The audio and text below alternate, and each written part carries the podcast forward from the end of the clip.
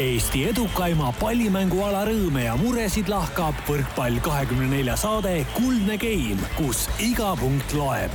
taustajõuna hoiab mängul hoogus ees Kredit kakskümmend neli eriolukord riigis tähendab sedapuhku eri, eriolukorda ka meie saates. täna, kaheksateistkümnenda märtsi keskpäeval saame öelda tere mitte ainult kuulajatele, vaid esmakordselt Kuldse Game'i ajaloos ka kõigile vaatajatele ja ei ole me kokku saanud seekord Nõmmel Manta majas, vaid igaüks oma punkris, seal, kus parasjagu turvaline ja mõnus tundub. kuna meil on täna tõesti selline sõna otseses mõttes kodukootud saade, siis ma ei hakka siin suuri sissejuhatusi tegema. tunneme ennast koduselt ja aitäh, Rivo Vesik, Andres Toobal ja Robert Täht, et olete sel tihedal eluperioodil leidnud tunnikese, et meiega liituda. tere. tšau.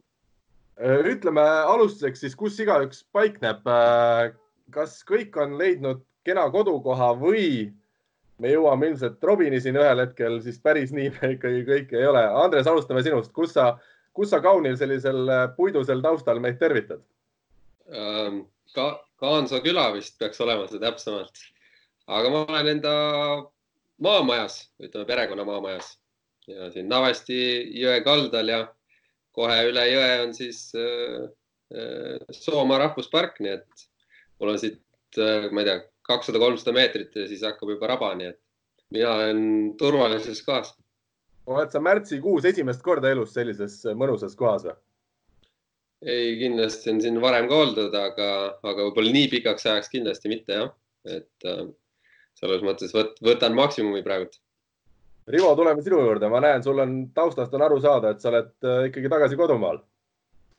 mina olen täitsa kodumaal olen kodumaal ja, ja Kakumäel siin äh, täitsa ka turvaliselt.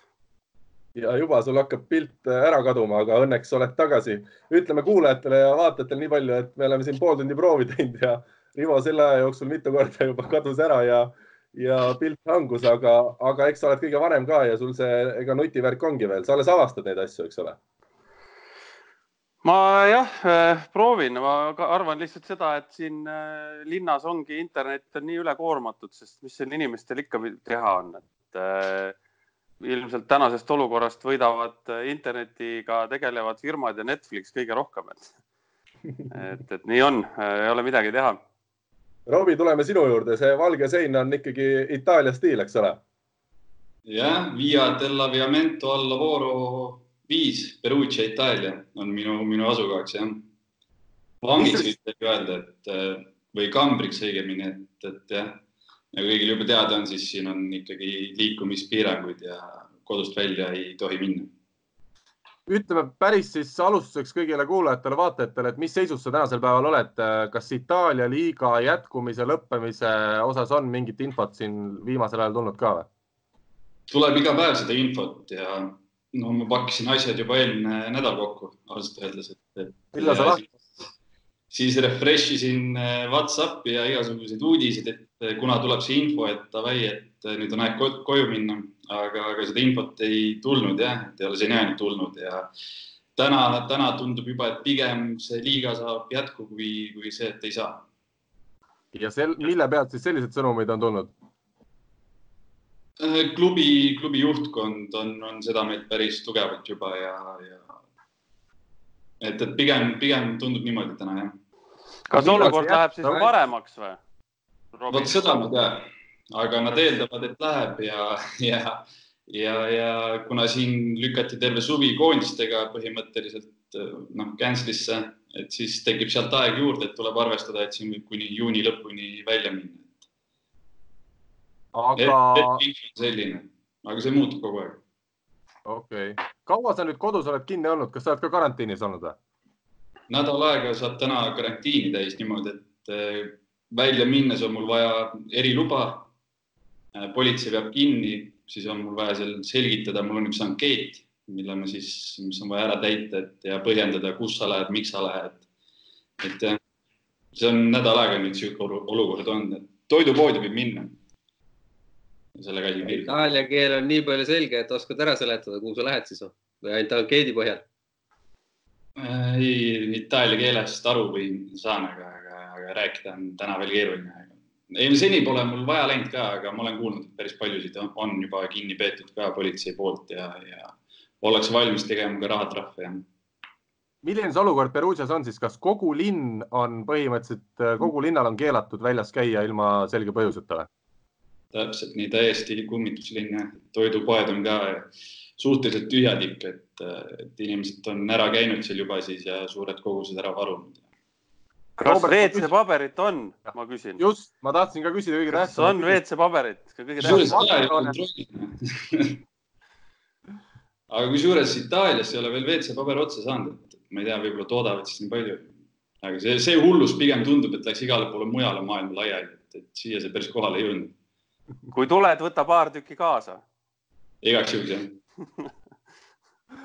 väga hea, aga ütle, mis sa siis te teha oled saanud siin äh, selle viimase aja jooksul, ainult siis käia trennis või?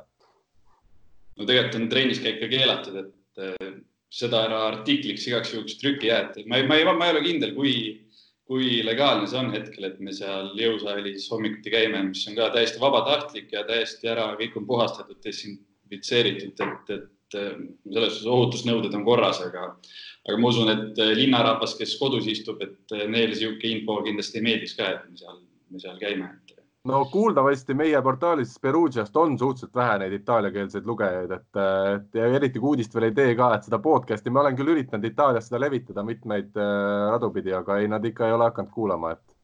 tänapäeval saadakse info kätte ju see sinu kirjutatud äh, Milano klubi teema sai ka minu arust äh, avalikult kajastatud jah, Itaalia meedias.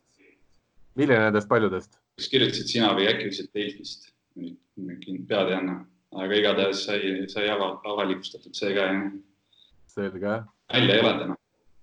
selge, aga kuidas siis selle trenniga on, kas sa kodus ikkagi oled pidanud ka korteris mingeid äh, harjutusi tegema juba või? Midagi liigult ei tea, aga kui ma, kuna ma olen saanud siin alates esmaspäevast igapäevaselt käia, käia seal jõusaalis tiiru, et siis sellest, sellest piisab. vahest jooksen salaja mäkke ka, mul selja taga üks mägi. ja see käib ka reaalselt, see käibki salaja ja ei kõla jah. kuidas vorm hetkel on siis?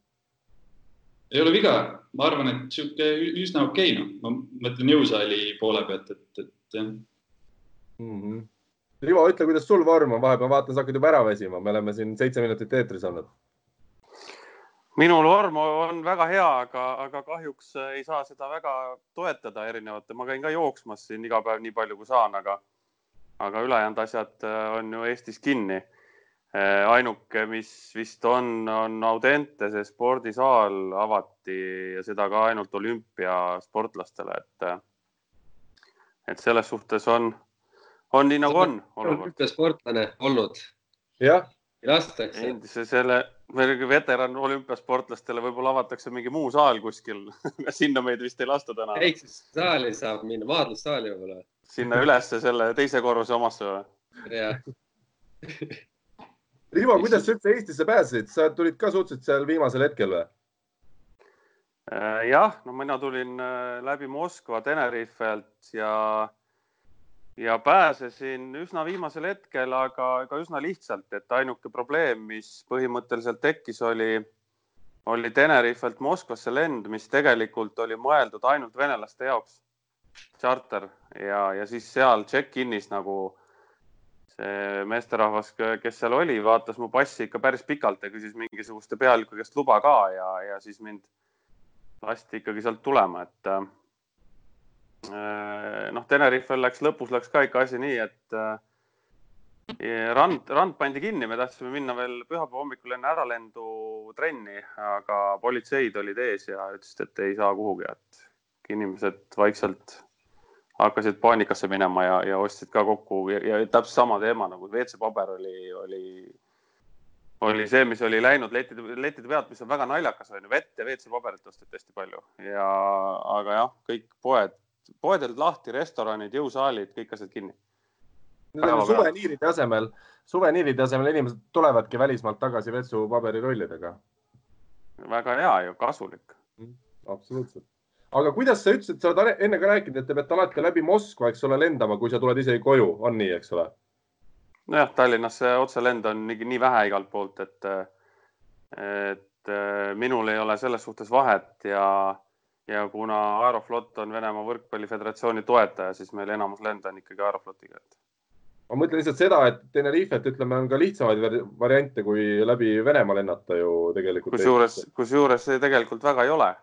ei ole jah? praegu Eestisse ei ole? lendab Eesti, ei noh, Eestist lendavad tšarterid Tenerifele ja ülejäänud lennud on kõik vahemaandumisega, et Eestist ju Tallinn-Tenerife nagu otse mingisugust liinilendu ei ole. Ma mõtlen, et kui sa poleks saanud Venemaa kaudu, sa oleks saanud kas Riia või Helsingi kaudu ilmselt. noh, sama vahemaandumine on ikka, et mitte mingit Seda vahet ei ole seal selles suhtes, et äh, üks sama lennuots ja, ja, ja kõik, et kuidagi oleks ikka koju saanud. selles suhtes ma ei, ei muretsenud väga, et äh, et mingi hetk oleks ju sealt tulema ikka saanud ja, ja noh, mis seal, mis seal ikka, et äh, ma arvan, et sihuke paanitsemine ja muretsemine on praegusel hetkel kõige viimane asi, mida teha tuleks, et.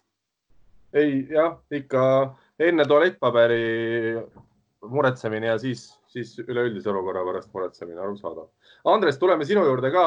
kuidas praegune olukord, kui sinul on teada, et hooaeg on lõppenud järgmine kord heal juhul sügisel midagi toimub. Äh, kuidas, kuidas sa nagu üldse suhtud kogu sellesse olukorda? ega siin tulebki lihtsalt suhtuda sellesse nagu, kui, kui niisugune olukord on ja ega, ega midagi muud teha ei ole, et ega siin ei ole mõtet ju käia ja alada, et näed, nüüd nii läks, et jah, selles mõttes on, on väga kahju, et, et kui siin viimane kord siis eelmine kolmapäeval, neljapäeva õhtul saime koos tiimiga kokku ja enam noh, võtsimegi, võtsimegi lihtsalt kokku ja võistkonna ja, ja rääkisime ära, noh. Biroli rääkis siis nagu tegelikult siis seda paanitsemist ja eriolukorda ju Eestis veel ei olnud, onju, aga, aga ta rääkis, rääkis, rääkis ära, et mis, mis Itaalias toimub ja kuidas tema perekonnal kõik nagu see seis on, et siis ja nagu pani, pani meestele nagu siis nii-öelda südamele, et, et see hetk veel ei olnud veel ära otsustatud ka, et kõik mängud on läbi, onju, et, et kõik läheksid koju oleksid võimalikult palju seal ja, ja, ja, ja vähe kontakte, et kui midagi väga-väga kiiresti positiivselt muutub ja ikkagi liiga jätkuks, et siis mehed ei oleks muud, muud moodi karantiinis on ju või pikemalt, et, et ja ega kõik said sellest asjast aru, et lihtsalt oli näha, et seal mõnel noorel mehel oli nagu päris kahju sellest, et, et esimest korda saadi Final Fouri ja, ja nagu selles mõttes vorm oli iseenesest okei. Okay.. ja, ja, ja tegelikult noh kui vaat, vaat, vaadata Tartu mänge, et siis, siis me ei läinud nagu päris niimoodi ka, et, et vaatame, mis, mis seal nagu poolfinaalis saab, et ikkagi mehed nagu mõtlesid võidu peale ja selles mõttes oli, oli kahju just nende poole pealt, et, et olid motivatsiooni täis küll, aga, aga ei, ega olude sunnil on, on see asi nii ja, ja eks nüüd siis oodatakse nüüd natukene sellega, et mis, mis järgmisest aastast saab. Aga ega keegi mingeid ennatlikke järeldusi ei ole ka mõtet siin teha, et see tuleb lihtsalt see aeg tuleb ära siin oodata, et, et mängijatest ma tean, et keegi haige ei ole, et kõik vist püsivad enam-vähem ka kodus ja, ja, ja noh, eks siis igale, igale mehele sai siin pall lihtsalt kaasa antud, et kui väga igav on, siis saavad vähemalt niisama kodust vastu seina seal toksida või mida iganes, et siis, siis las, las see olla ja, ja, ja, ja nagu ma aru sain, siis siin Indrek siis iga, Indrek Verro siis igale ühele siis annab ka mingi, mingid siuksed äh, näpunäited, mida seal, mida seal koduste vahenditega teha ja, ja üritavad ikkagi seda olu, noh, nagu hoida enda vormi, et, et kui saaks normaalselt trenni jälle tegema hakata, et noh, praegult on ju võimalus, Eestis on vähemalt see võimalus, et ei pea salaja minna, minna, minema siis nii-öelda mäkke jooksma, et saad niisama minna, et, et eks siis seda kõik peavad ise, ise siis äh, nii-öelda organiseerima ja, ja eks see on niisugune enda äh, nii-öelda sportlase nii-öelda proovile panek ka, et, et kui, kui palju ta sellest olukorrast nüüd maksimumi võtab või, või laseb käest ära, et väga-väga pikk periood tuleb igal juhul ette, kus, kus palli mängida ei saa. okei okay.. Tuleb. on see sport ju teisejärguline, tegelikult äh, praegu ma ka veel aru ei saa päris täpselt, miks see, äh, kes sellest lõpuks võidab, et, et siin Itaalias ka neid mänge edasi mängitakse, et see on minu jaoks ka niisugune natuke arusaamatu, et äh, võib-olla ainult mängijad, sest siis on mängijatel õigus oma palk sajaprotsendiliselt välja nõuda, et aga keegi teine, et sellest ma ise ka päris täpselt aru ei saa mm. -hmm kas te omavahel, äh, Robbie, suhtlete ka seal klubi sees, on teil mingid siuksed Whatsappi grupi, grupid või kuskil, kus kogu aeg tihe suhtlus käib, visatakse nalja, saadetakse mingeid naljapilte ja antakse infot olukorrast või? no täna on juba asi sellest naljast kaugel, ütleme niimoodi, et siin iga päevaga, et alguses oli muidugi, et natuke trillalla, trullalla, et okei okay,, et oleme siin nüüd mõned päevad, et ju läheb see olukord paremaks ja nagu kuidagi ei adunud ära võib-olla. täna siin juba nädal aega olles, et siis saad aru sellest olukorra tõsisusest ka võib-olla natuke rohkem ja, ja mõtlen, et kui ma jälgin siin Eestis, Eesti sõprade, siis keda ma seal Instagramis jälgin ja neid, neid story sid sealt, et siis tundub umbes samamoodi, et hetkel ollakse veel selles seisus, kui, kui, kui päris kohale ei ole võib-olla veel sajaprotsendiliselt jõudnud, et kui tõsiselt sellesse kõigesse suhtuma, suhtuma peab mm. -hmm. ma ikka tulen edasi, kas äh, on teil siis mingi grupp ka seal, kus te ikkagi mingeid asju suhtlete või? ja, ja muidugi meil on ka videokoosolekud ja, ja sellised asjad ja no ma räägin, et kui me nüüd käime siin äh, jõusaalis hommikuti kahekesti, et siis noh, mingi, mingi sihuke kontakt on ka olemas, et, et, et omavahel asju arutada, jah no kuna me ainult täna ei taha rääkida sellest koroonaviirusest, siis äh, ole hea, ütle, kui palju Wilfredo Leon ja Aleksandr Atanassijevitš äh, seal grupis sõna võtavad, on nad ka siuksed pullivennad või? kaks täiesti erinevat isiksust, et üks on, üks on väga kõva pullivend, et, et korralik sihuke meeskonna hing ja, ja noh, ainuke vend, kui teda trennis ei ole, on vaikus, kui tema on trennis, siis on, seal käib sihuke laat, et või noh, et see mees üksinda korraldab seda laata, laulab stabiilselt, no minu jaoks oli ka alguses uskumatu, et, et see mees nagu päris sihuke on, et ja teine on täiesti omaette, rahulikult ajab oma asja. et võite ise mõelda, kumb on kumb. ma saan aru, et Atanassijevitš on see vähe valjem tüüp või? Atanassijevitš on jah, see ikkagi täitsa sihuke sõge jah selge Äh, läheme edasi. Äh, kuidas teil praegu see siis ütleme, mängude plaan välja näeks, kui te peaksite edasi minema, on siin infot tulnud? me enne, enne seda ülekande algust ka sinuga rääkisime, et, et need tippklubid on nagu selle poolt, et see hooaeg lõpuni mängida, aga väiksemad klubid, kellel on paratamatult ka raha vähem, et nemad ikkagi tahaks, et see võimalikult vara läbi, läbi saaks. jah, et on kuulda olnud ka, et äh, hetkel viimane klubi, kes on kindel väljalange, tegi tegi ettepaneku liigale siis, et järgmine aasta, et tühistada see hooaeg, järgmine aasta alustada uuesti puhaste paberitega, et aga noh, see oli niisugune viimane õleker, viimane õleker ilmselt tal.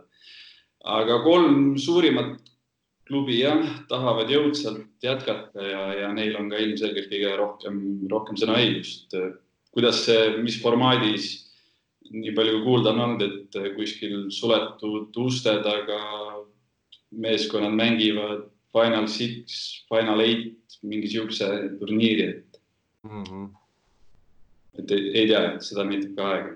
kas sellel just nagu selles mõttes point, et mis me nagu arutasime ka siin kui Võrkpalliliidu ja noh, siin oli arutluse all, et mis sellest hooajast saab, onju ja, ja et just see, et kui mehed tegelikult ju päris pikalt nii-öelda trenni teha ei saa, palli nii-öelda katsuda ei saa et siis mis on see niisugune optimaalne aeg, et nad uuesti nagu nii palju vormi saaksid, et ei tekiks nagu tohutult palju vigastusi, et et meie noh, selle, see oligi nagu ma arvan, üks argumente, miks nagu siin Eestis suht kiiresti ära võeti, et, et kuna tegemist ei ole ka näiteks noh, nagu kõik, kõik mehed ei ole ka nagu profid on ju ja kui neil jääb nagu nüüd ka päris palju vahele ja, ja siis järsku nüüd, ma ei tea, kahe või kolme nädala pärast otsustatakse, et läheme liigaga edasi või ütleme kuu aja pärast siis tegelikult noh, et mis nagu sihuke optimaalne aeg tegelikult oleks, et kus sa saaksid jälle normaalselt nagu sellesse rütmi sisse, et, et ei oleks kohe tähtsad mängud peale.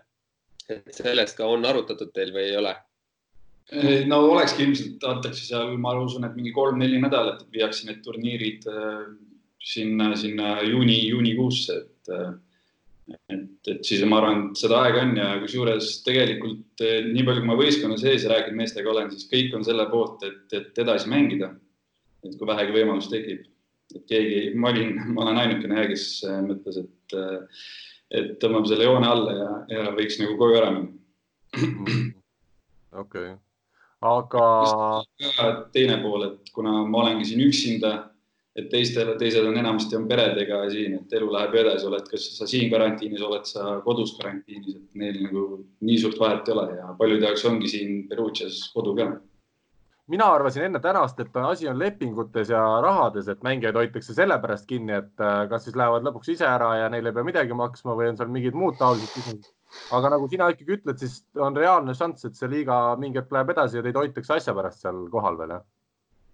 No täna tundub nii jah, et nad ootasidki, et kõigepealt äh, FIB teeks need otsused CEF, et äh, koondist ei toimuks äh, suvel, et saab nagu edasi lükata. no muidugi ongi, kui olümpia ka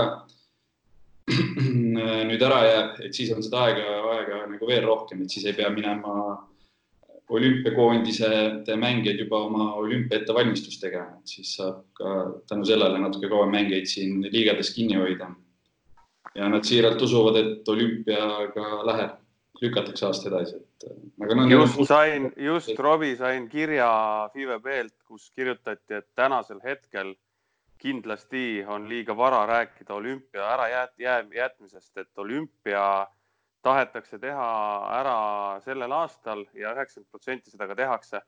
et tänane kõik see informatsioon, et mis jääb ära ja, ja, ja lükatakse edasi et see on täiesti alusetu, täiesti vale informatsioon.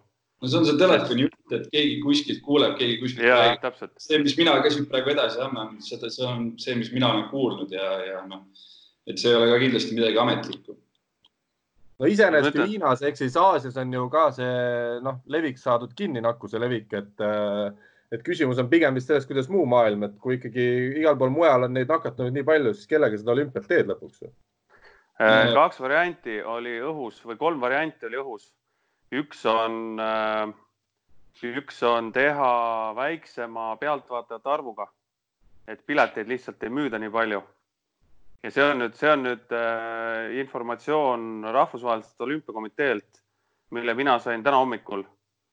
on väiksemate pealtvaatajate arvuga, siis oli õhus variant äh, Äh, tehagi üldse nii, et praktiliselt pealtvaatajaid ei olegi. et, äh, tõmmatakse kõik lukku, mingit avamist ei toimu, toimub ainult spordi tegemine, mis on täiesti minu jaoks täiesti pointless.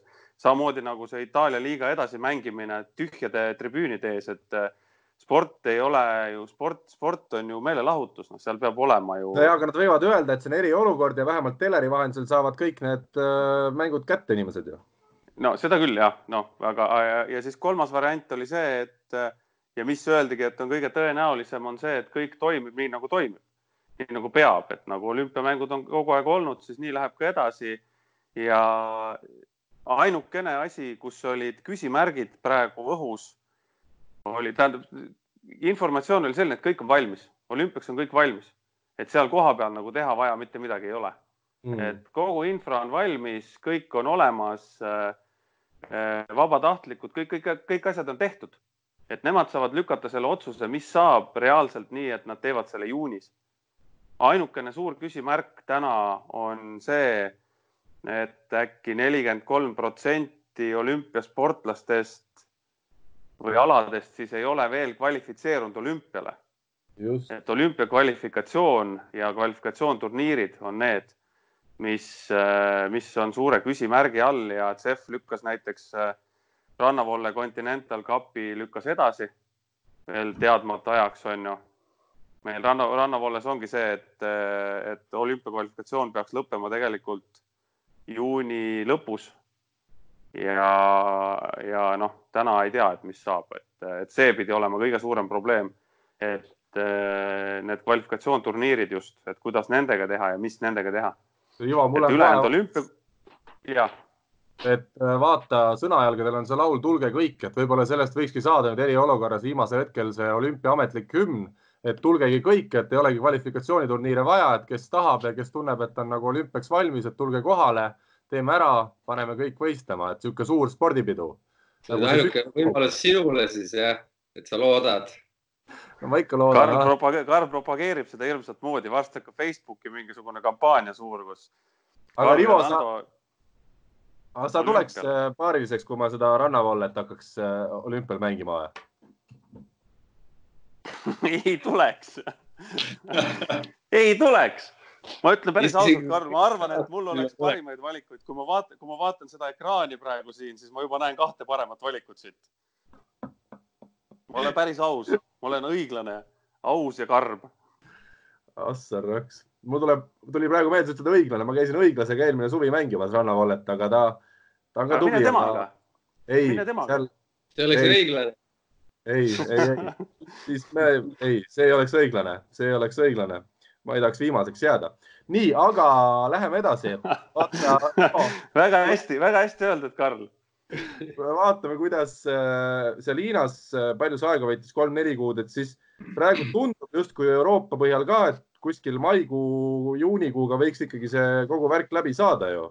aga samas ega tänapäeval no. korra tegu, korra, korra tegutsen, panen mu telefoni laadima, andke andeks. pane laadima, pane laadima, et aga tegelikult ega ei tea ju ka seda, kuidas seal Hiinas tegelik olukord on. mingid allikad jälle väidavad, et, et noh, seal on nagu natukene ka seda nii-öelda tõmmatud kinni seda asjast rääkimist, et pigem pigem see ei pruugigi võib-olla kõik täitsa sada protsenti nüüd õige info olla, et seal neid nakatujaid tõesti tuleb päeval juurde ainult võib-olla paarkümmend. samamoodi Venemaal on ju ametlikult äh, vist vähem isegi nakatunuid kui Eestis, aga palju seal kontrollitud on, arvestades seda, et see on ju Hiina naaberriik, tundub väga vähetõenäoline, et seal sisuliselt nagu probleem puudub, et, äh, et võimalik, et me nagu sellest kogu asjast veel ka täna ju teame nii vähe või, või see kõik veel ulatub kuskile kaugemale. no mina ei läheks üldse Äh, neid lauseid öelda. et kas seal on rohkem või mitte. ära provotseeri teda praegu Rivo tegelikult teab kõike, eks? ma ei, üldse ei äh,, absoluutselt ei spekuleeri, ei mõtle selle peale, et täna on ikkagi olukord selline, et äh, aeg, eks aeg näitab, on ju. kes mis numbreid edastab, kes kuidas, et, et äh, käis ju Venemaal mingi hetk käis ringi käis ringi selline, ühesõnaga mingi nali või huumor, et, et kui on tehtud kaheksa testi, siis ei saagi olla rohkem kui kaheksa haiget, et aga protsent on sada, on ju tegelikult. et, et täpselt seesama, mis sa ütled, et keegi ei tea, palju neid teste tehakse, samamoodi Eestis, et ega me ei tea, palju neid haigeid tegelikult on, eks ju. Sest teste teha, tehakse nii palju, kui tehakse ja, ja selline see olukord on, et et ta rahuneb maha siis, kui ta rahuneb maha ja, ja nii on, et täna tuleb ilmselt minna päev päeva jooksul haaval edasi ja ega siin muud ei olegi midagi teha.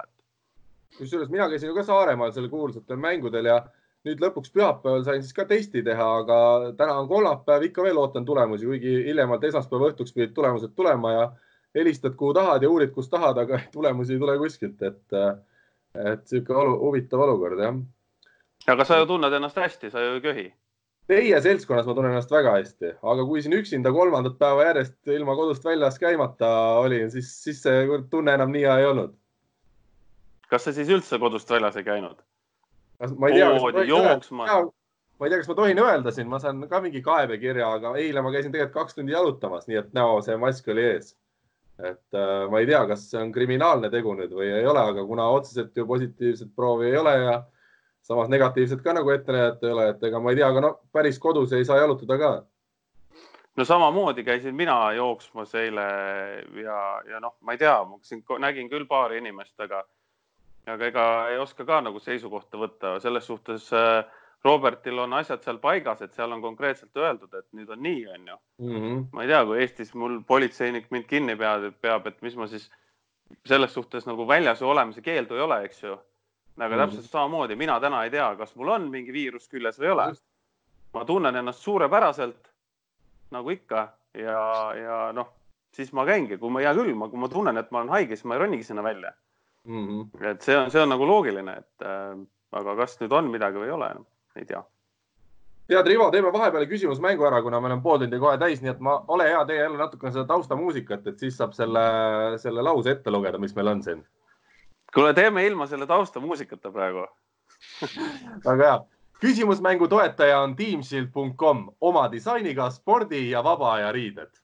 nii, eelmisel nädalal sai siis uuritud seoses äh, meie saatekülalise Mihkel Nuudaga, et kes on veel üks tubli spordimees, tiitlivõistlustelt muuhulgas mitmevõistluses medali võitnud inimene kes on siis Kilingi-Nõmmel noorena koolis käinud ja treeninud ja vihje oli ka see, et tema isa oli seal Kilingi-Nõmmel siis ka kirikuõpetaja kas äh, Rivo tead, oled kursis äh,? ei tea no,. ei tea, Erki Nool. ma ütlen sulle eesnime, Mikk on eesnimi ja, ja perekonnanimi on, lõpeb Pill. Vaha Pill. tubli, väga hästi, näed, sa põhimõtteliselt teadsid ilma ühegi vihjeta praegu. sa oleks võinud öelda oli... veel, sa oleks võinud öelda nii, tema nimi on Mikk, ahapill, arva ära aga meil oli kakskümmend neli vastajat, Rivo, pane nüüd hästi tähele.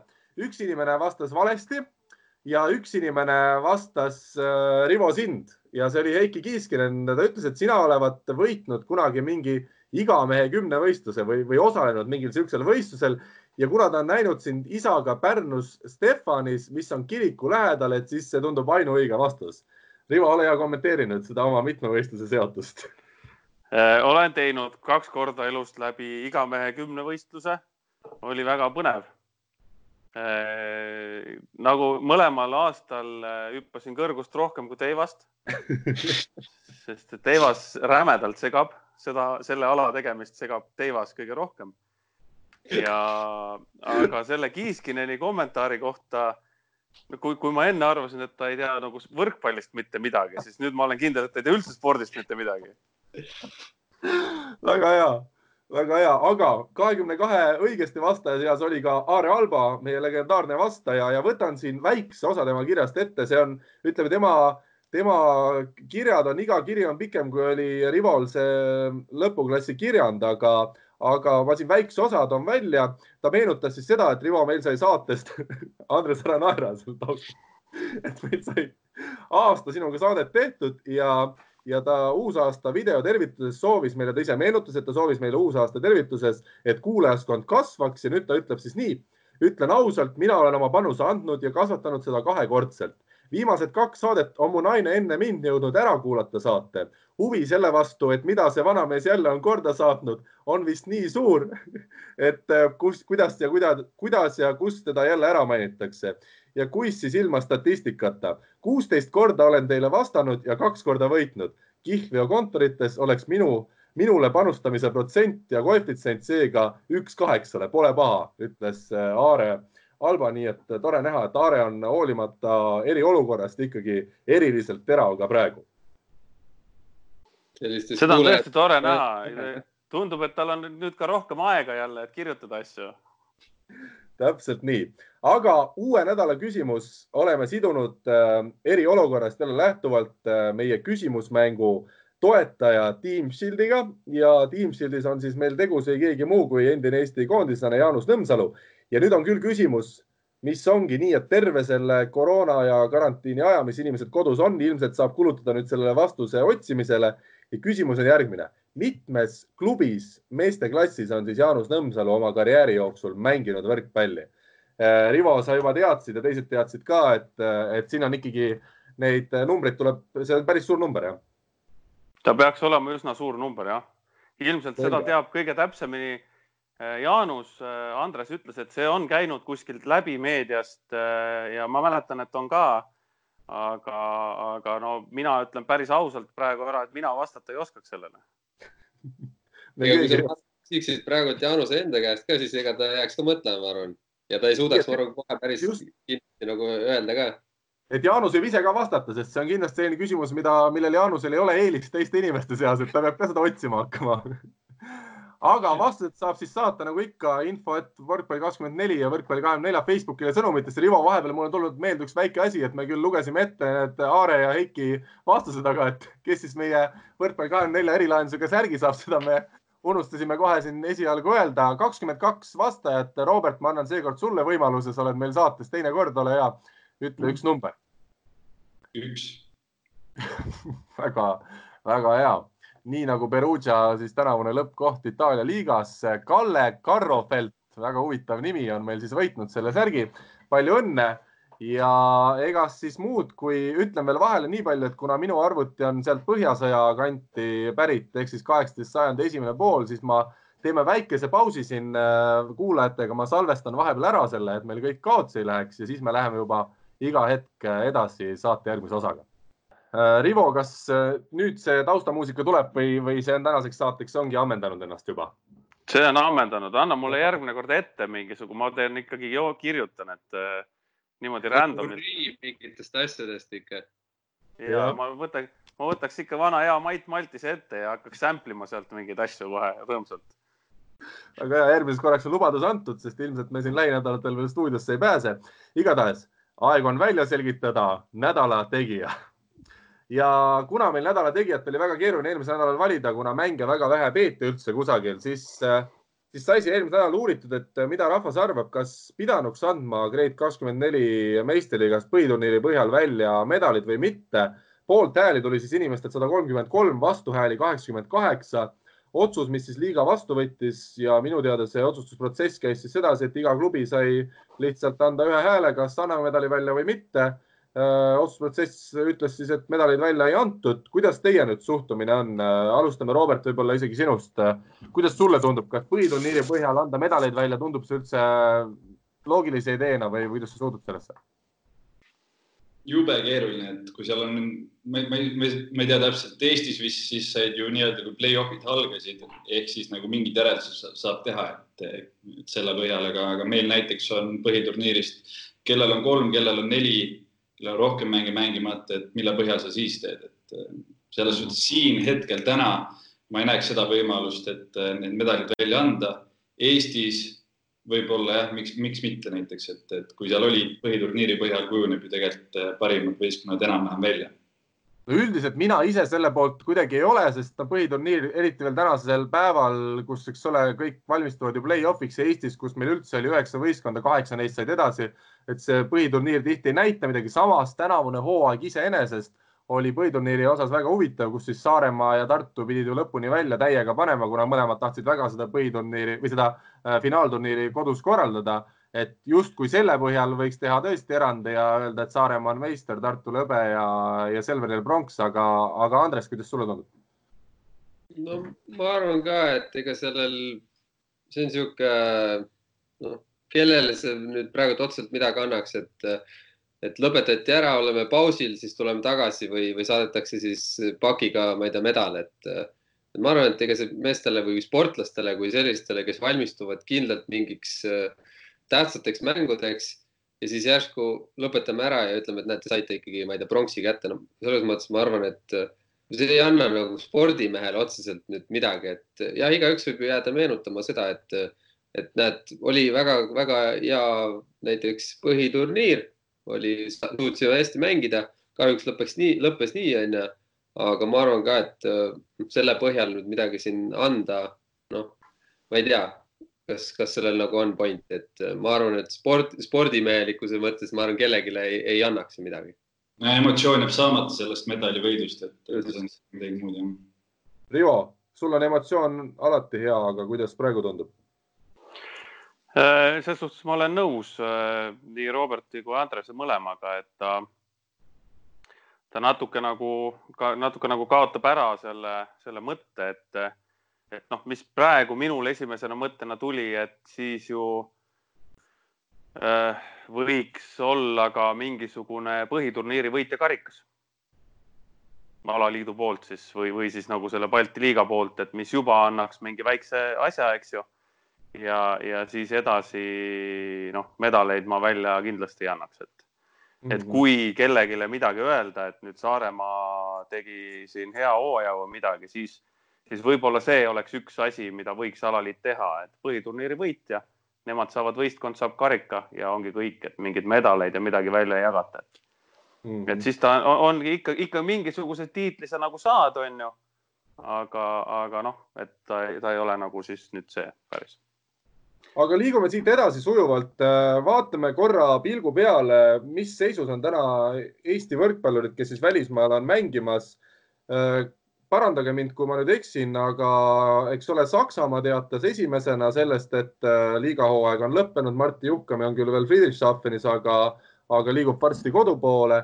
Belgias nüüd ehk siis Markus Keel, Andri Aganits, Rene Teppan on meil äh, vabaks pääsenud, liiga on ametlikult lõpetatud. Soome liiga ehk siis nii naised kui mehed, Nete Peit, Anu Ennok, Oliver Lüütsepp, Mart Naaber on ametlikult hooaeg läbi Äh, kas keegi on meil veel, kellel on kindlasti teada, et äh, see hooaeg on lõpetatud? Sveits ja, ja Taavi Nõmmistu, ma ei tea, kas sa ütlesid eelmist. jah. ka juba kodumaal. prantslastel on toimunud.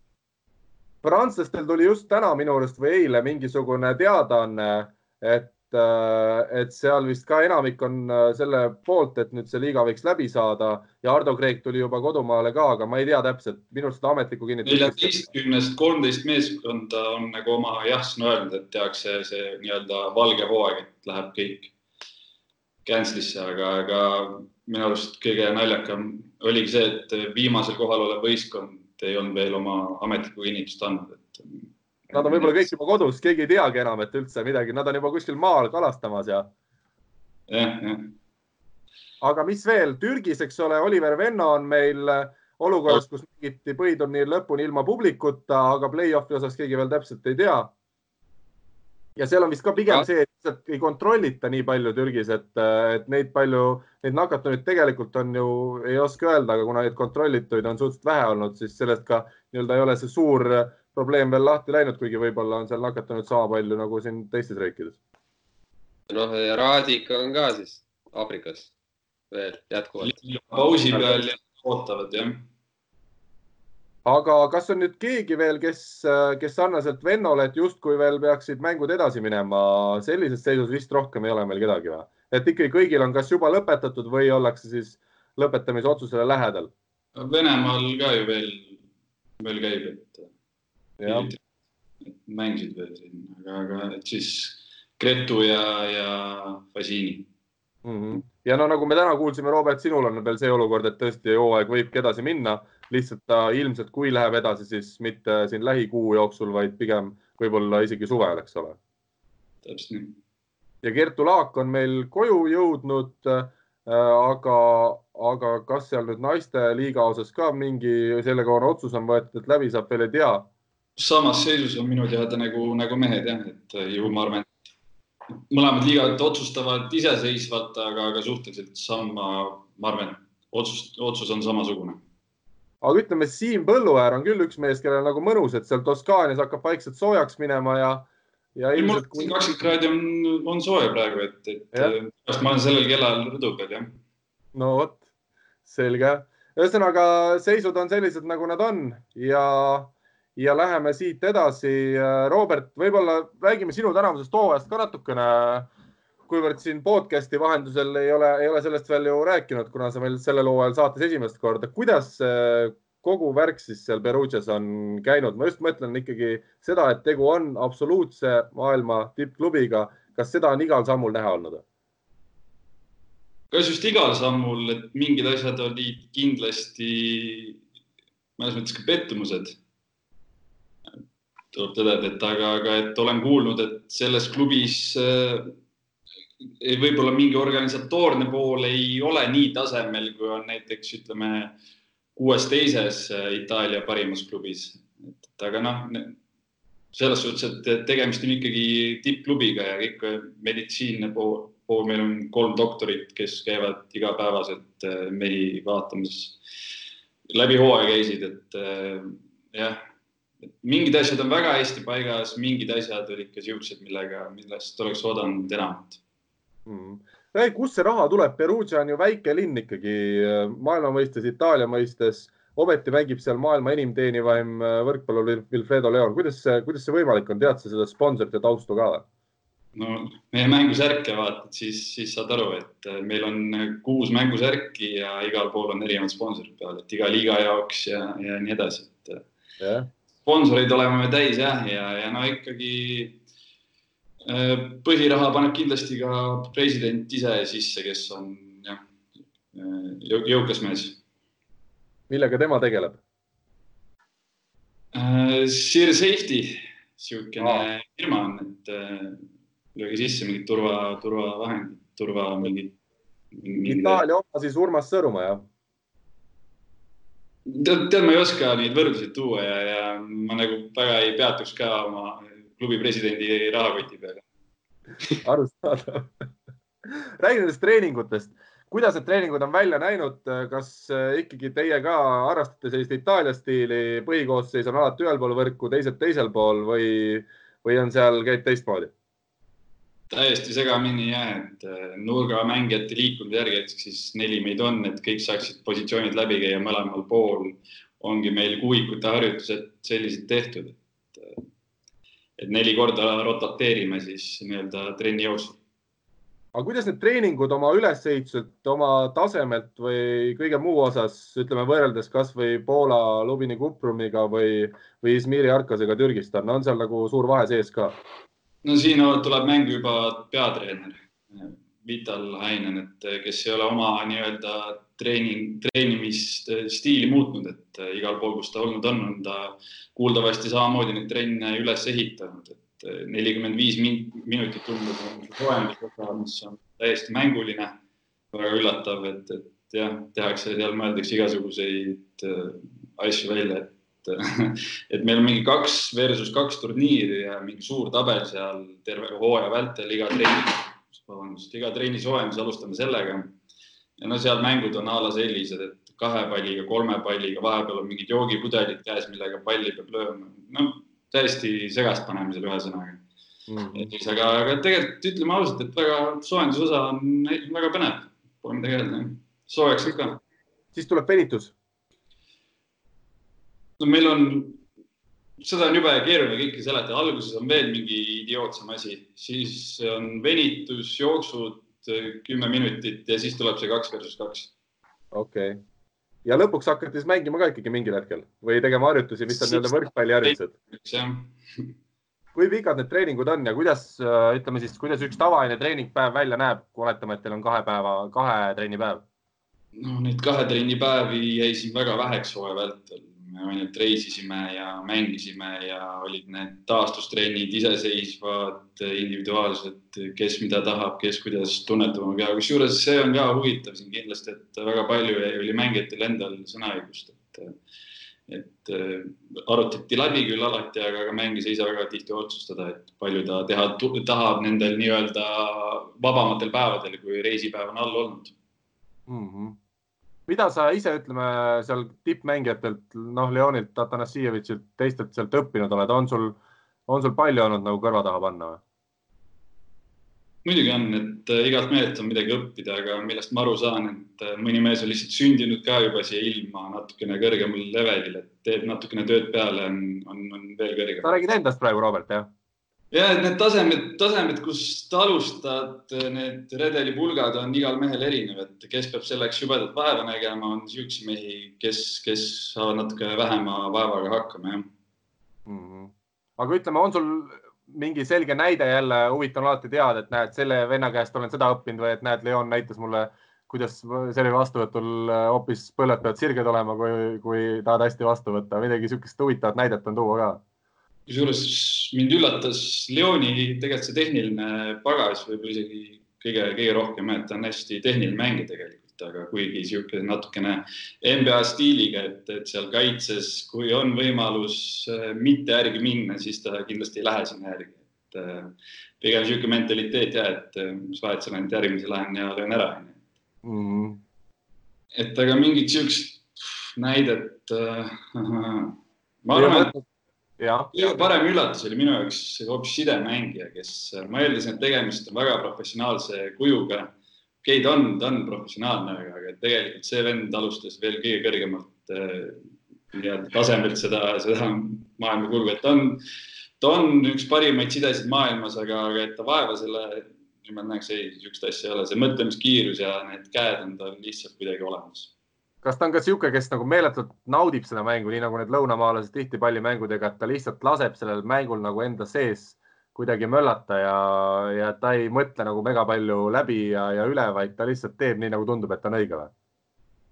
pigem, pigem selline stiil ja et äh, on näha ka olnud, et kui peatreener teda raamidesse üritanud rohkem suruda, et siis on see mäng muutunud ka ebalevaks, et aga kui sa tal lihtsalt möllata lased, äh, siis, siis asi, asi jookseb jah kas see kõrvalt äh, jäänud mulje, et teil oli ikkagi neli nurgameest ja need kõik neli nurgameest nagu mängisid kõik ikkagi suhteliselt hästi äh, tänavusel hooajal, oled sa sellega nõus?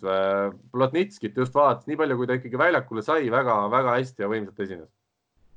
nojah, tänase seisuga ma olin kindlalt neljas nurk ja, ja teenisin väga-väga vähe mänguaega, millega ma kindlasti rahule ei, ei jäänud ja, ja tekkis see nii-öelda rollimängija ülesanded seal mängu jooksul okei okay,, jah, muidugi selle eest mulle makstakse ka, et ma teen, mis treener nõuab, teen nii hästi kui, kui võimalik, aga, aga kuidagi nii palju asju jooksis siin äh, kokku ka, et, et seda võimaluste leidmine läks järjest, järjest keerulisemaks, kuni, kuni siis selle perioodini, kus me, kus me praegu oleme mm. -hmm aga ütleme see, et ikkagi Filippo Lanza pidi sisuliselt kogu aeg väljakul olema Itaalia liigas, see ikkagi oli see peamine asi, mis sinu ja Platnitski mänguaega seal piiras, jah?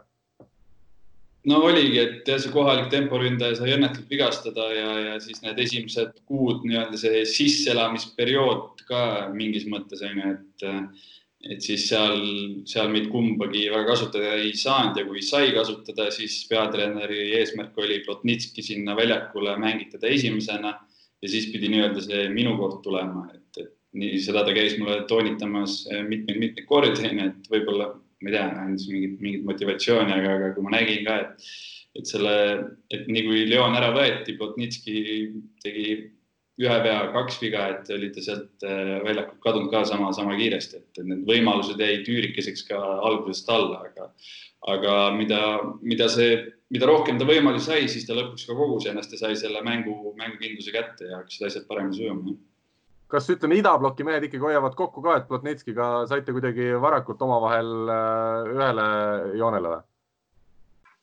jah, et äh, sihuke pull vend on jah. räägite omavahel ikkagi inglise keelt, ma eeldan? jah, mis, mis vahest, kusjuures me natukene räägime itaalia keelt omavahel jah. ohoh, selge, selge, aga, aga et Plotnitski, sellega sa oled ka nõus, et ta ikkagi noh, oli ka heas vormis tänavusel hooajal või? Kindlasti. pärast EM-i, ma mäletan, EM-il ikkagi Ukraina koondis mängis pigem need väga head mängud ilma tema sellise suure panuseta seal play-off'is, aga, aga, aga klubi hooajaks kuidagi tundus ta jälle nagu heas vormis olevat. ja ei, oli hea, hea, ma neid, neid numbreid ei mäletagi, aga alati tasub jah, nendest numbritest ka kinni hoida, et, et Ukraina mm. tegi eesotsas temaga kogu selle meeskonnaga väga kõva turniiri, et midagi näitab mm. -hmm. ei, muidugi ta oli väga heas vormis, et see on järjekordne näide sellest, et äh, ka temal on antud looduse poolt väga-väga äh, palju ja, ja kui jõusaalis oleme, siis ta on see mees, kes seal üldse ei taha olla. jah Rivo, kas sul ka vahepeal mõni mõte on tekkinud? ei ole. ei ole üldse? mul tekkis üks mõte, mul tekkis mõte, et Vihm võiks järgi jääda, saaks jooksma minna ainuke mõte, mis tekkis. see oli vihje sulle, aga sellest äh, Roberti hooajast, ega mis, mis sa järgmine aasta sa lähed ära, onju? ei tea. väga hea küsimus. no ootame, täna on, täna on kõik asjad nii kahtlased, et täna, täna ei tea. okei okay,, selge. ei, aga ma tahtsin küsida, et et kas poole hooaja pealt on nagu kuulda ka selles mõttes, et, äh, et mis Perugia nagu noh, tead suurklubides vahest ikka on niimoodi, et on poole hooaja pealt juba teada, et, et mingitel meestel on juba tehtud uued lepingud ja asjad ka, et, et sellest on räägitud ka juba või, või peale nüüd selliseid noh, ongi, et kui tehakse talvel lepingud ära ja lõpp, hooaja lõpp on niisugune kahtlane onju, et kas sellest on midagi kuulda olnud ka, et mingid mehed jätkavad kindlasti või on mingeid muid niisuguseid liikumisi tulemas? no Leon ja Atanasievic sõlmisid ära ju. no kulisside, taga on tegelikult need otsused juba ammu tehtud väga paljudel mängijatel ja, ja, ja see hõigatakse muidugi välja, need mehed, kes jätkavad klubis, et see on nagu loogiline, aga, aga see ei ole nagu aus, kui mehed, kes klubi vahetavad, et kuidagi avalikustavad ise selle info, et mm.. ma just mõtlen selles mõttes, et tegelikult nagu noh, klubi seisukohalt vaata, et kui teil nüüd tempo sai, sai nagu vigastada, et noh, need Itaalia liiga jaoks oli nagu, kas, kas tuleb rohkem itaallasi sinna klubisse siis või, või pigem jätkatakse umbes samade nagu välismaalaste arvuga või selle kohta nagu ei ole, et kas noh, meediassegi, et noh, et kuna üks tempo välja kukkus, et kas on järgmiseks aastaks mingi sihuke hea mõte, et kas võtame rohkem itaallasi või midagi sihukest? tegelikult on üsna selge, milline see võistkond järgmine aasta välja näeb, et Äh, üks koht on veel lahtine, mis on ka ilmselt lähiajal selge, et, et noh, paar, paar üksikut kohta, et aga, aga kindlad põhimehed äh, on juba paigas. et see, ütleme niisugune ühe mehe niisugune vigastuse saamine natukene lööb strateegia paigast ära, et see ei pannud nagu järgmiseks aastaks nagu uut mingit strateegiat, et te saite nagu iseenesest nagu nüüd ka hästi hakkama, onju, aga, aga just, et noh, et kui oleks näiteks nüüd, ma ei tea, Lansa ka saanud vigastada, et mis siis oleks saanud? See oleks jälle keerulisemaks läinud jah, aga meile toodi A2-st toodi temporündaja kohalik juurde, et me läksime hooajale peale kolmeteistkümne mehega tegelikult, et oli kolm temporündajat ja kuna üks kohalik sai vigastada, siis toodi, toodi abimees A2-st, palgati uus mees mm. -hmm. aga oli siis nagu taseme mõttes nagu sihuke, keda oleks saanud nagu mängu ka panna või, või pigem? kusjuures Treiali ja Kollo klubikaaslane oli eelmine aasta, aga noh, teda ei pandud ja see oleks jah, väga ekstreemsetel põhjustel olnud, kui, kui peatreener oleks ta sinna väljakule, väljakule üldse pannud, et kui nüüd aus olla. Okay.. räägime meistriliigast ka, sa olid seal ikkagi servija rollis põhilise aja. ma ikka olen siin äh, saates ka seda mantrat tagunud, et, et, äh, et noh, kui ikkagi vahetusest tuleb külmana, vähemalt rahvaliigas, niigi on külm, eks ole, väljas ja siis tuled veel vahetusest ka külmalt, eks ole, ammu see soojenduse higi on juba ära kadunud et siis on raske servima minna ja no mind ei panda ka kunagi Rahvaliigas ennast vahetusest äh, sisse servima, aga sul see roll oli, et kuivõrd keeruline tippmängijal sellises olukorras on, on servima minna?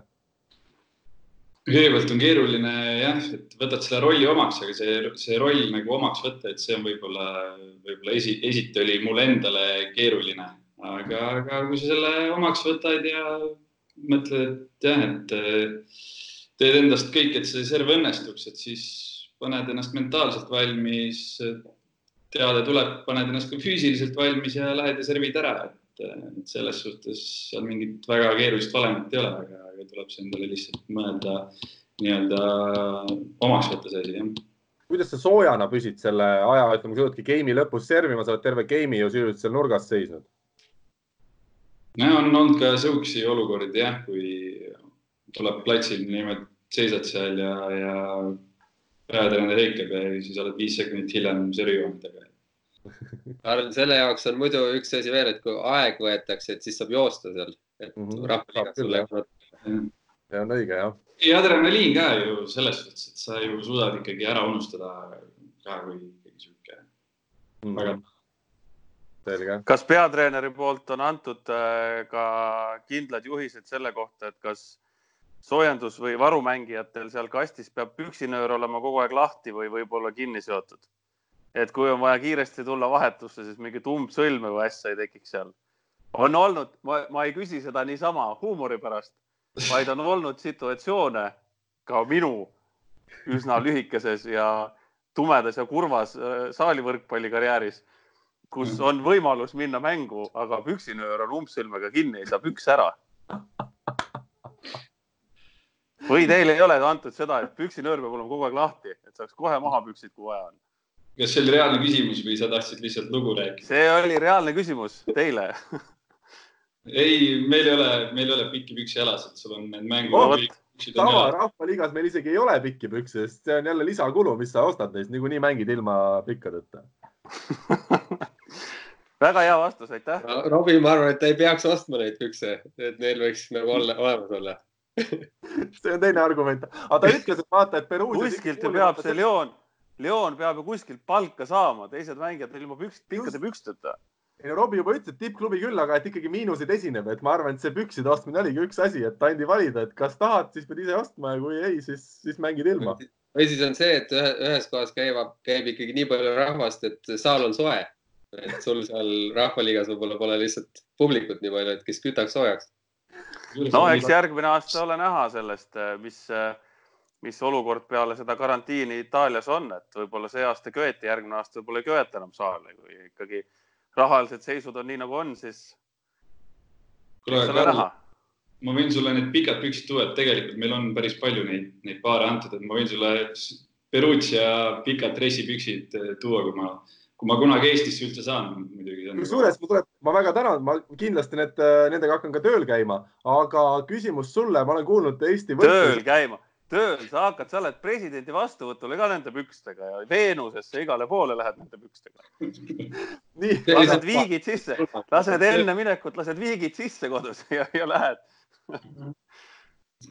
tulen tagasi küsimuse juurde. Robbie, ma olen kuulnud võrkpallisõpradelt, et sinu särgi jaoks on lausa järjekord tekitatud või on olemas mingi järjekord, et kui inimene, fänn küsib sult särki, et sa ei saagi talle anda, vaid sul on seal mingi, tuleb kuskil registreerida ennast või?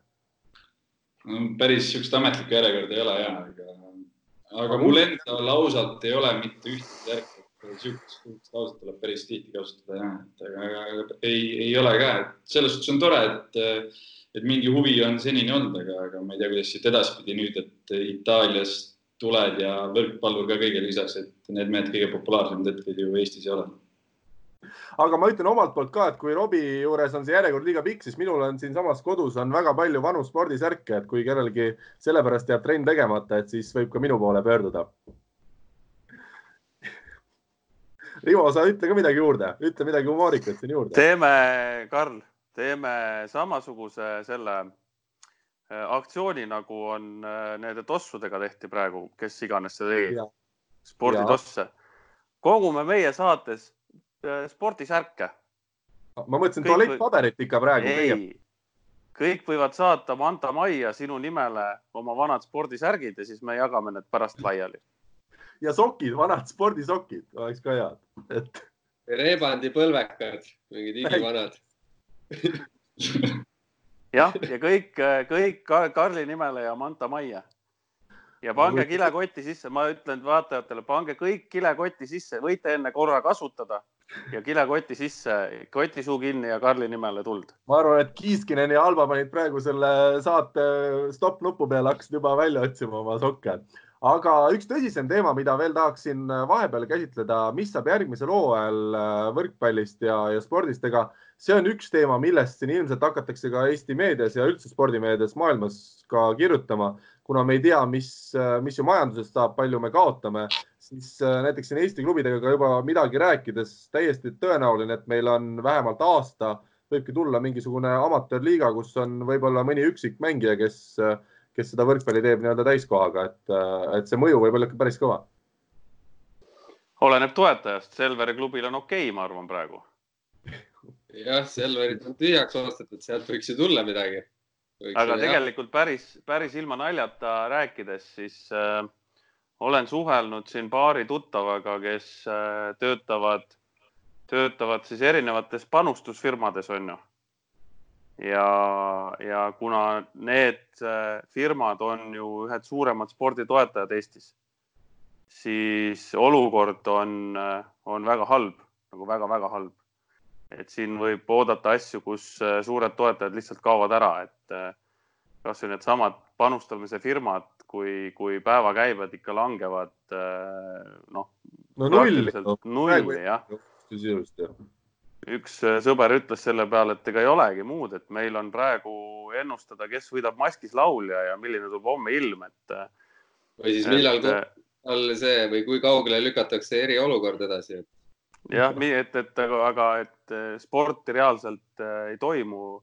jalgpall, mis teenis nendele firmadele või kust käis tänu, tänu jalgpallile käis nendest firmadest läbi päevas ikka miljoneid ja miljoneid eurosid, siis äh, null täiesti null, et äh, siin läheb veel väga põnevaks või noh, mis põnevaks, võib minna väga kurvaks see, see spordi tegemise aeg, et mm. -hmm. et see on väga lahtine, mis, milline see Eesti võrkpallihooaeg järgmisel aastal üldse, järgmisel sügisel võib üldse välja näha ja, ja nagu ka täna siin sai Võrkpalli kahekümne neljas kirjutatud, et, et Hanno Pevkur ütles ka, et ega seda Eesti-Soome-Läti liigat nüüd äh, juba järgmisel hooajal küll mitte kuidagi toimuda ei saa, et, et on niikuinii on see kuidagi see nii-öelda suhtlusprotsess ja läbirääkimised jäänud toppama soomlastega ja, ja, ja teisalt siis seesama majanduslik pool, et uusi toetajaid leida kuskile liigale on praegu ikka väga keeruline. ei no see, et ta ei tule see aasta, oli ju selge peale seda, kui suure hurraaga läks jutt lahti ja siis kadus see lihtsalt ära, onju. aga noh, minu arvamus on see, et ega siin lähima kolme-nelja aasta jooksul ei toimu seda asja kindlasti. miks?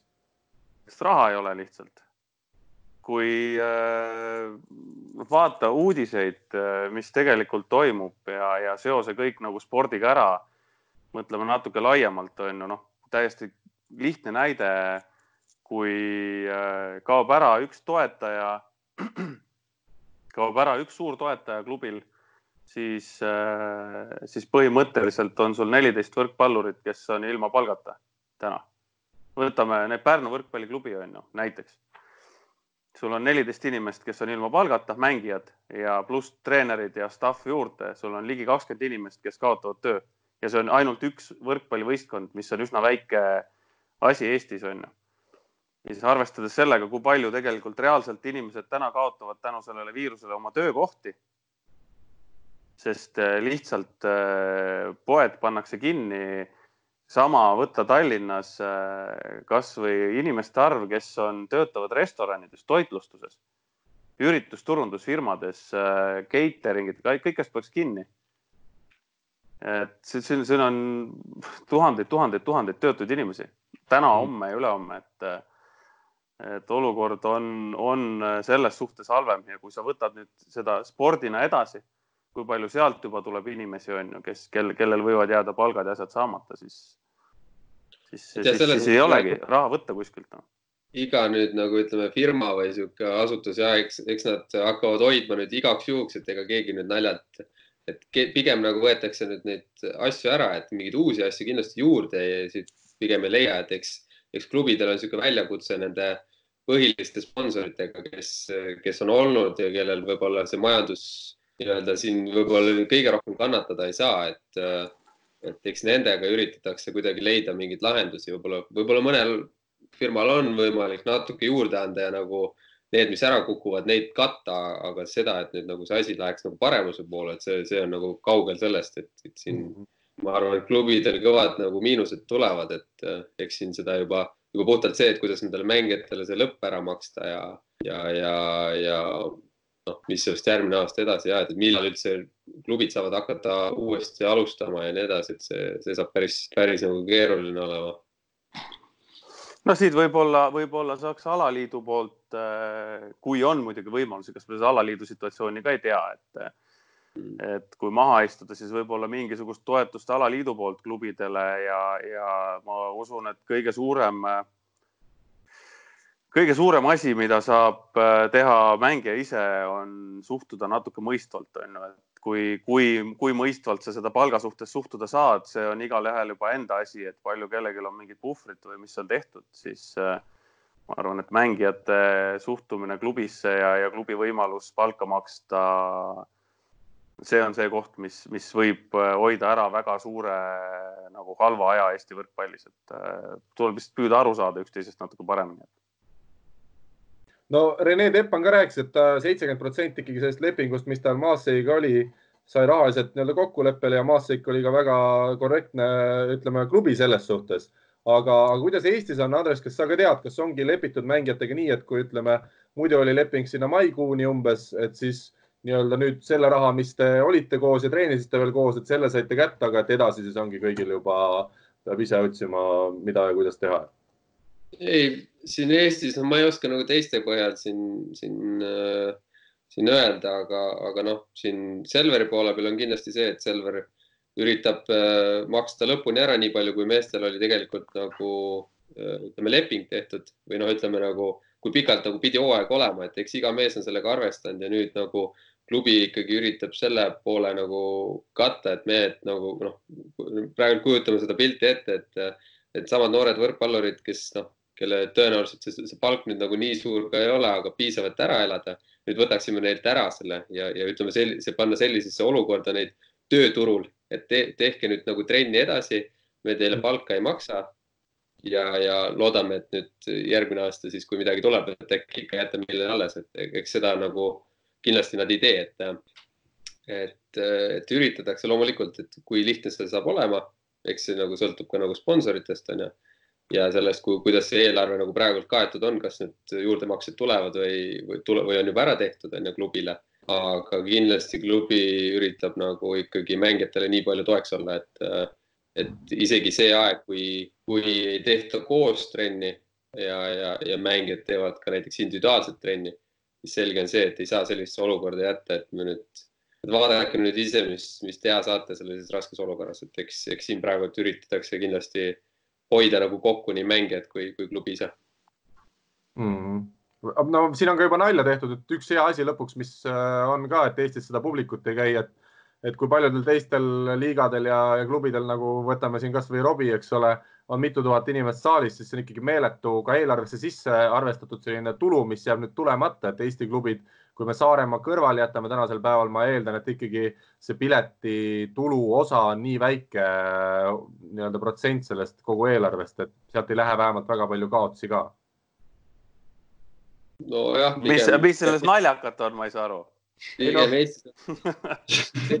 Vähemalt me ei kaota midagi, Rivo, see, et me ei kaota vähemalt ükskord midagi siis et eks siin on näiteks see pool just ongi, et noh, et, et eks igal klubil on vaja Eestis ka siin natukene siis mõelda, et see on tegelikult üks niisugune koht, kus nagu võiks natuke teenida, mitte nagu pigem see, et, et vaadata seda, et kas saame kohtunikud ja, ja muud äh, kõrval staff nii-öelda, ma ei tea, kommentaatorid ja muud kinni maksta või, või see, et, et on see lihtsalt niisugune reaalne lisateenimise koht, et kus võib-olla saaks mõne mehe, mehe palgagi kinni maksta, onju.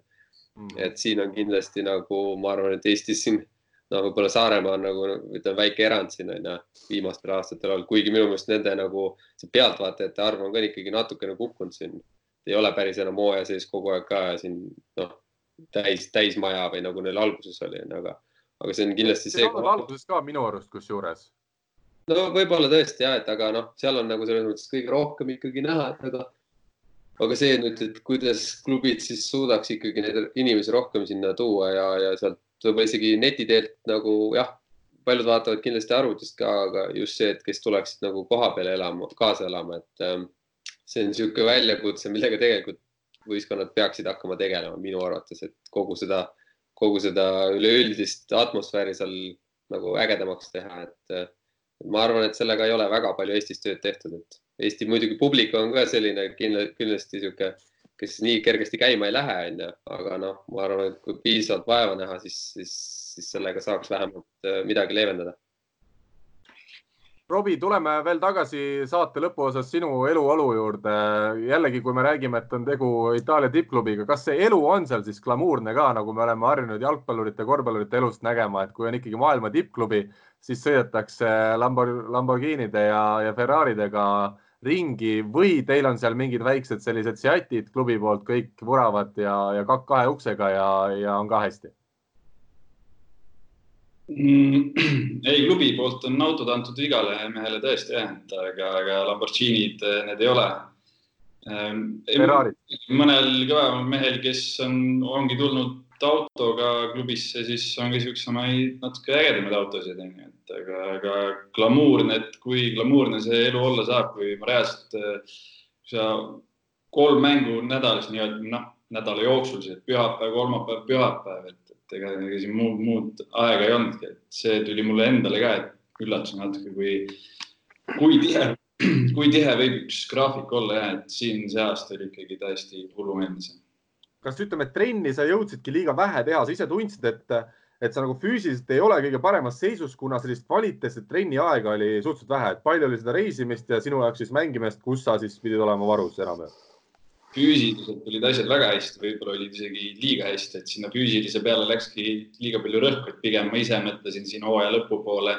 õigemini sain isegi treenerit, treeneritelt käs, käsu kätte, et võib-olla hoia nüüd seal jõusaalis ennast tagasi, et seda sai, seda sai pigem liiga palju tehtud, et nii palju kui, kui teistel olid vaba, vabapäev, siis kuna ma mõtlesin, et eks ma nii palju ei mänginud või midagi iganes, siis ma seda vabapäeva kindlasti vastu ei võta ja läksin, läksin trenni selle asemel. mingi hetk lõi sealt, sealt ka kindlasti väsimuse sisse, et võib-olla ei olnud seda värskust seal pallitrennis äh, piisavalt tead, Rene, kui meil käis siin pool aastat tagasi saates viimati, siis ta ütles, et sina ikkagi äh, tema ja sina läksite Audenteses esimesse jõusaalitrenni plätudega. kas Perugias sa käisid ka läbi hooaja nüüd plätudega jõusaalis või olid sul mingid eraldi jalatsid selle jaoks äh, alguses läksin plätudega, et ilmad olid soojad. Äh, kuni jõusaalini olin plätudes ja siis läks normaalne koss jalga. tervitame Raul Reiterit siin vist, kes tegi sinust ka omamoodi ikkagi mehe, et äh, põhiasjad said paika Audenteses ja said äh,, isegi jõusaali kossid on tänaseks juba jalga ostetud, et ei ja paljud siin kohalikud nii-öelda need, tippude tipud äh, käivad täitsa tavalise võrkpalli jalanõuga jõusaalis, et äh, jah, olen plätust välja kasvanud täitsa sinna viimasele levelile. millised su jõunäitajad tänasel päeval on, oskad sa midagi esile tuua siin, rinnalevõtt, rebimine, kükid, rinnalt surumine? Ei lubata enam teha neid nii-öelda maksimumliigutusi jah, et pikemad seeriad või siis siuksed, aga, aga noh, mitte, mitte, et sa maksimumi nüüd prooviks, et Tartu ajal sai kunagi Oliver Lüütsepaga need asjad ära tehtud, et väga äge oli, et jõusaali, jõusaali trenn oli, oli niisugune päeva kõige ägedam osa võib-olla vahest isegi. võin kohe selle loo ära rääkida, kui, kui seal kolm meest said kokku, Kollo, Täht ja Teppan ja siis äh, kuidas need kangid seal hakkasid lendama ja siis nagu pihaga, kui keegi üle tegi, siis ega ennem järgi ei antud, kui, kui üks nendest siis seal keegi selle üle tegi, et äh, see oli, see oli päris äge vaatamine, et ma juba siis juba natuke kogenuma pilguga vaatasin kõrvalt, eks ma muigasin, et äh, et see, see oli tegelikult päris äge vaata, vaatemäng, et ega keegi alla ei andnud ka, et see, see oli omaette ja vaatamisväärsus ja lõpuks need kõik kolm minu arust sügisesel EM-il, kui me võtame kasvõi viimase koondise aja, olid ju koos väljakul põhikoosseisus, nii et järelikult see kangide üksteise järele loopimine tõi nagu tulu ka vist. Tundub nii jah, praegult. katki ei läinud. Karl, aga ütle nüüd. ei taha jooksma minna, sajab. ütle nüüd äh, sina, millised on sinu jõunäitajad? Inimesed tahavad teada Riinalt surumise rekord sada kakskümmend viis. võtame Rivo, mõtle sulle. millal sa selle tegid äh,? kaks aastat tagasi. ma räägin tänasest päevast, ütleme viimased kaks kuud, näitajad. no sada kümme. Riinalt surumine. jah. väga tubli. nii, palju sul on? seitsekümmend viis. ühe käega või? ei, kahega. nii, läheme edasi, mis veel on?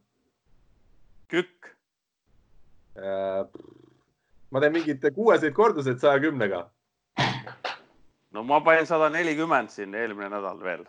no vot, no vot, üks-üks, nii Rin,. nii ja rinnalevõtt. kaheksakümmend. millal tegid? või millal viimati jõusaalis sai käia? nädal aega tagasi. no vot, väga hea siin tuleb? ma pean tunnistama, et Karl Rinaldo võtab kaks-üks võidu sellest suurest duellist, sest äh, minu rinnale, viimane rinnalevõttu sooritus jäi umbes aastasse kaks tuhat kaheksa, ma pakun. ja ta oli vähem kui kaheksakümmend kilo nii et palju õnne, Rahvaliigasse mina ei sobi. ja kes tahab minna Rahvaliigasse mängija, siis sott kolmkümmend rinnalt ja saja kolmekümnega kükke pigem Rivo, see ju näitab seda, et äh, ei ole oluline see, palju sa jõusaalis midagi teed, et tähtis on ikkagi, mis siin toimub ja kuidas sul tehnilised oskused võrkpallis on. võrkpalli puhul kindlasti jah. Robbie, palju sul siis need sarnased numbrid umbes võiksid olla? no ma ei hakka välja parem tooma, et siis kõlab võib-olla natuke uhkustavalt arvad, arvad, et Kollo, Kollo ja Teppan lähevad kohe jõusaali või nii kui peal saade peale läheb, kohe jõusaali. Riinalt surumine, Karl, et äh, nukid, see on päris, päris hästi ju. aga ma tunnistan, ma teen põrkega, ma ei jäta seda kümneks minutiks siia rinna peale pidama. isegi põrkega on päris hea, ma arvan ka seda küll. ülejäänud, ülejäänud asjad, et need ei kannata väga kriitikat, kahjuks, kahjuks Karl. eriti kui sa oled veel kergejõustikupoiss ka ju mm -hmm.. rinnale võtta nüüd on küll, mulle tundub juba viimane aeg see saade nagu kokku hakata võtma, sest ilmselgelt need äh, teemad nagu hakkavad äh, laiuma kuskile ei tea kuhu. aga ma ikkagi, Robbie, tahaks teada, ütle üks vähemalt mingisugune number äh,. isiklik rekord rinnalevõtus siis või? näiteks. no näiteks. sada kakskümmend viis. no vot. minul pika puugas, mul on sada, sada kaks pool vist, peaks olema no vot, teeme nii, aitäh sulle, Robert, täna saates osalemast ja tuleme, Andres, sinu personaalteema juurde. aga tead, Rivo, kuna meil sai siin räägitud defitsiidist ja praegusest olukorrast, ma näitaks saate lõppu, sind kindlasti huvitab. olen tegemas oma isa vana korterit korda ja seal on kolmkümmend aastat, pole midagi keegi poolt põhimõtteliselt seeski käinud, isa kaasa arvatud. ja me avastasime sellise asja sealt, ma ei tea, palju siit on näha. see on, see on täispudel juubeli Eesti Vabariigi seitsmekümne viienda aastapäeva Saku heleõlu. et, äh, et Rivo, kui ma, kui ma sulle selle tänasel päeval nii-öelda paneksin riiulile, kas, kas sa katsetaks seda, kuidas maitseb? absoluutselt mitte. sest et. las see, las see olla, selliseid asju ei tehta lahti, las see olla mälestuseks mm. -hmm. kui sa tahad ma... mulle midagi tuua, kui sa tahad mulle midagi väga tuua, siis too see Teppani toodud vanakas sealt jah, ma võin öelda, et saate eel sai meestele ka kaitstud. Rene Teppani äh, poole aasta tagune sünnipäevakink Vana-Tallinna näol ka ootab veel väljajagamist, nii et järgmine kord, kui me stuudios uuesti kokku saame ja, ja see stuudio ei ole neljas erinevas kohas, siis võib selle peale mõelda aga Robert, sulle ka südamele panen veel lõpetuseks, et eelmine kord, kui sa meil saates käisid, tuli meil absoluutne rekord üle kahekümne tuhande kuulaja. et äh, sel korral siis oled sa ka juba kõik äh, nii-öelda salajased äh, allikad pannud tööle, et, et see saade jõuaks jälle umbes sama, sama kaugele. aga ma arvan, et siin tuleb midagi väga skandaalset veel lõppu öelda, et Delfi ja Märt Roosna siit midagi ka, midagi kõrva hakkaks, et, et siis saab, siis saab see saade ka, ma usun, et päris palju vaatajaid väga ilusasti lõpetuseks öeldud. Äh, Andres, Rivo, Robert, oli meeldiv, aitäh teile liitumast. Äh, ma loodan, et ka kuulajatel ikkagi oli siin ka huvitav. Äh, rääkisime ju, ju nii mõnekski teemast. seda, millal me uuesti eetris oleme, täpselt ei oska öelda, loodetavasti nädala pärast ja loodetavasti juba meie armsaks saanud Manta Maja stuudios. seniks aga meestele Robbie ei lähe jõusaali, kui on keelatud, ikkagi on olemas kükid, on olemas matid, saab teha selga kõhtu Andres, ma loodan, et kala hakkab kenasti näkkama seal äh, jõe peal ja, ja Rivo, sa mine vihmaga lihtsalt jooksma, ma sulle midagi. ma pean minema jah, siin ei ole, ei jää midagi muud üle. igatahes aitäh teile, oli meeldiv ja, ja kohtume jälle. suur tänu. Eesti kõige põnevamad podcastid on Delfis, kuula tasku.delfi.ee